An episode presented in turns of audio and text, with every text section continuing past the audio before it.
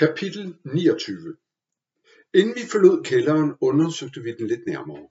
Især var jeg interesseret i køkkenet, hvor jeg havde bemærket flere ting, der en snæver vending kunne bruges som våben. Jens og jeg tog ved en kniv, og Agnete tog tre nøgler fra skabene og blinkede til mig. Hvad hun ville med dem, vidste jeg ikke. Jeg tog også noget reb med for at kunne binde junkeren. Desværre fik jeg ikke brug for det, for junkeren var der ikke, hvor jeg havde forladt ham.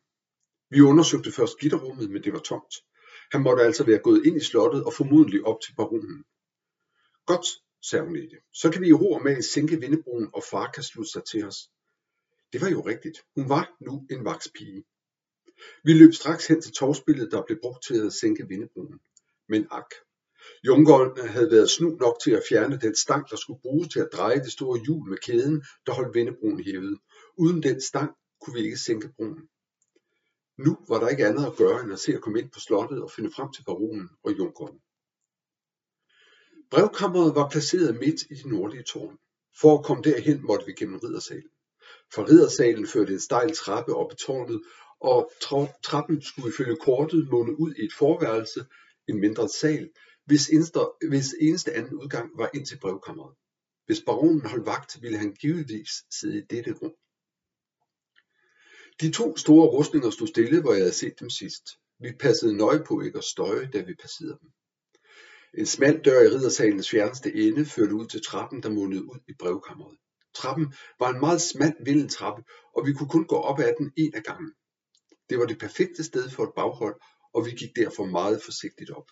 Jeg ventede hvert øjeblik at se junkerens eller baronens rotteansigt stige ned på os, men intet skete. Trappen var tom. Efter lidt tid endte trappen ved en lille lukket dør, der så meget solid ud. Vi stod stille et øjeblik uden for døren. Ingen af os havde lyst til at være den første, der trådte ind i rummet. Vi vidste jo, hvad der ventede os. Jeg ved ikke hvordan, men på en eller anden måde var jeg kommet til at stå forrest, og efter et stykke tid følte jeg ligesom et pres for, at jeg også skulle åbne døren og træde ind. Jeg vendte mig og så, at både Jens og Agnete nikkede opmuntrende. Jeg sukkede, tog fat i dørhåndtaget og trådte ind. Det første jeg lagde mærke til var, at rummet lå i mørke. Kun det svage dagslys, der sidede ind fra et par små vinduer øverst oppe på murene, og et par fakler oplyste rummet og gav det et spøgelsesagtigt gråt skær. Ved et hurtigt kig omkring i rummet lokaliserede jeg den høje, smalle dør med tre låse, der førte ind til selve brevkammeret. Midt i rummet stod der en stol med ryggen vendt mod os, og ved siden af den et lille bord med en flaske vin og et glas på.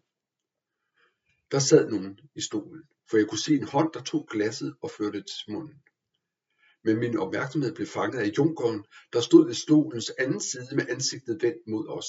Han havde stadig blod i ansigtet, og han så ud, som om han havde spist en regnorm af de helt store og klistrede. Velkommen til jer alle tre, lød baronens stemme.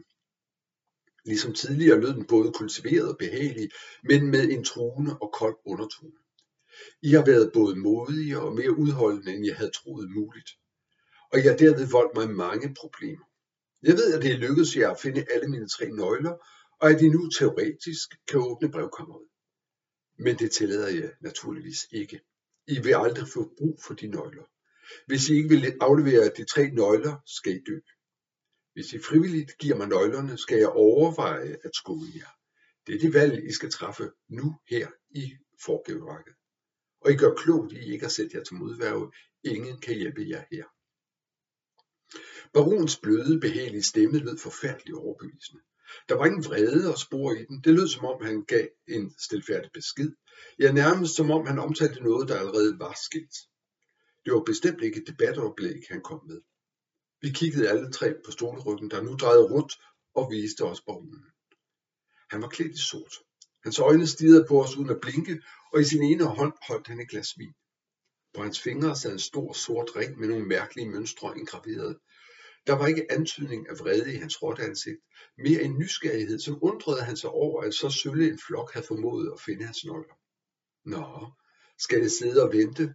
Aflever nøglerne nu. Hans stemme fik en utålmodig klang. Baronen kiggede direkte på mig, og min nakkehår rejste sig. I det samme trådte Agnete, der stod bag Jens frem. I hånden holdt hun de tre skabsnøgler for køkkenet, men baronen kunne på denne afstand ikke se, at det ikke var de rigtige nøgler. Agnetes smukke ansigt var fortrukket i vrede. Kujon, Du får ikke nøglerne, før du har lovet at gøre dine misgerninger gode igen. Du har løjet om far over for kongen. Du har kastet far i ulykke og gjort, hvad du kunne for at ødelægge hans liv. Du har tvunget far til at bortlove mig som din hustru mod min og hans vilje. Og du har derved mod fars ønske og vilje bemægtiget dig hans formue, som jeg skal arve efter hans død. Usling. Før du kan få dine dyrebare nøgler tilbage, skal du fortælle kongen sandheden. Du skal opgive alle dine krav til mig som hustru. Du skal betale far en stor sum for den skade, du har forvoldt ham. Og du skal aldrig igen genere ham eller nogen i vores familie.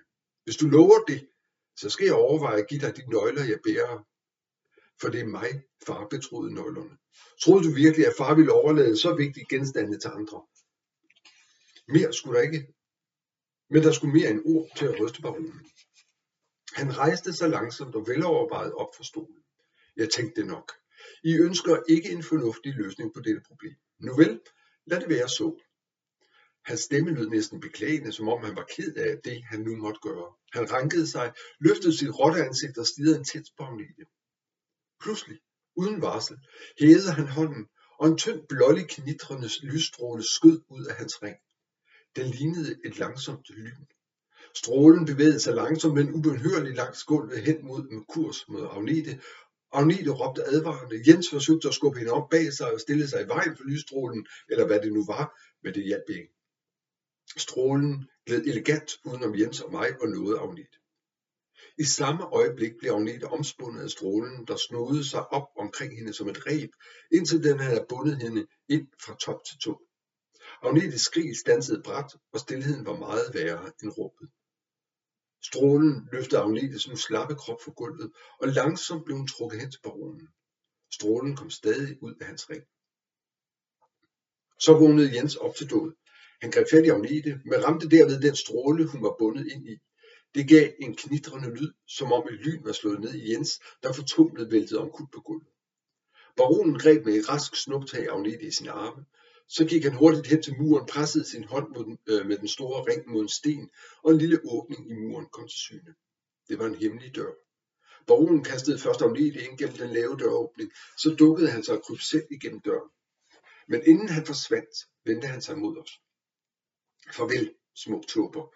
I skulle have lyttet til mig, mens tid var. Nu er I dødstømte. Baronen hævede sin hånd, og fra den sorte ring skød endnu en stråle frem. Denne gang ramte den junkeren, der var fuldt efter baronen hen til døren. Junkeren skreg og faldt omkuld, da strålen ramte ham i brystet. Så forsvandt baronen, og døren lukkedes efter ham. Jens mumlede sagte og rystede Grokke på hovedet, mens han forsøgte at komme på benene. Jeg løb hen og hjalp ham op. Jens, er du okay? Han svarede ikke. Han nøjedes med at støtte sig til mig, inden han fik herredømmet over sin ben igen. Så pegede han med en rystende finger i retning af junkeren, der lå på gulvet. Paul, prøv lige at se på junkeren. Jeg drejede hovedet og kiggede på junkeren. Det vil sige, det var ikke længere junkeren, der lå på gulvet. Han lignede nu nærmest en mellemting mellem en slange og et menneske. Junkerens krop var ved at blive forvandlet til en slange. Hans ben var forsvundet og erstattet af en lang slangekrop, og mens vi betragtede ham, ændredes hans ansigt og blev til et slangehoved. På gulvet lå der nu en 3 meter lang slange med gult æder og savl drøbende fra sit åbne gab. Dens ovale gule øjne med de sorte pupiller var fixeret på os, og den begyndte at glide hen mod os. I to store spring var jeg henne ved døren. Vi var kommet ind ad, kun for at konstatere, at der ikke var noget dørhåndtag på denne side af døren. Desperat pressede jeg alt, hvad jeg kunne for at skubbe den op, men den rørte sig ikke ud af flækken. Et råb fra Jens fik mig til at vende mig om. Jens havde grebet den stol, som baronen havde siddet i, og stod nu med stolen som skjold foran slangen. Han lignede en dyretimmer, der forsøgte at tæmme en overdimensioneret regnorm, men han kunne godt have brugt en pisk. Slangen tog i hvert fald ingen notits af stolen, men gled stadig nærmere Jens, der var ved at blive presset op i hjørne. Jeg for hen til døren til brevkammeret, men den var selvfølgelig låst, og jeg kunne ikke åbne den ene mand. Vi var fanget i dette rum med et modbydeligt monster.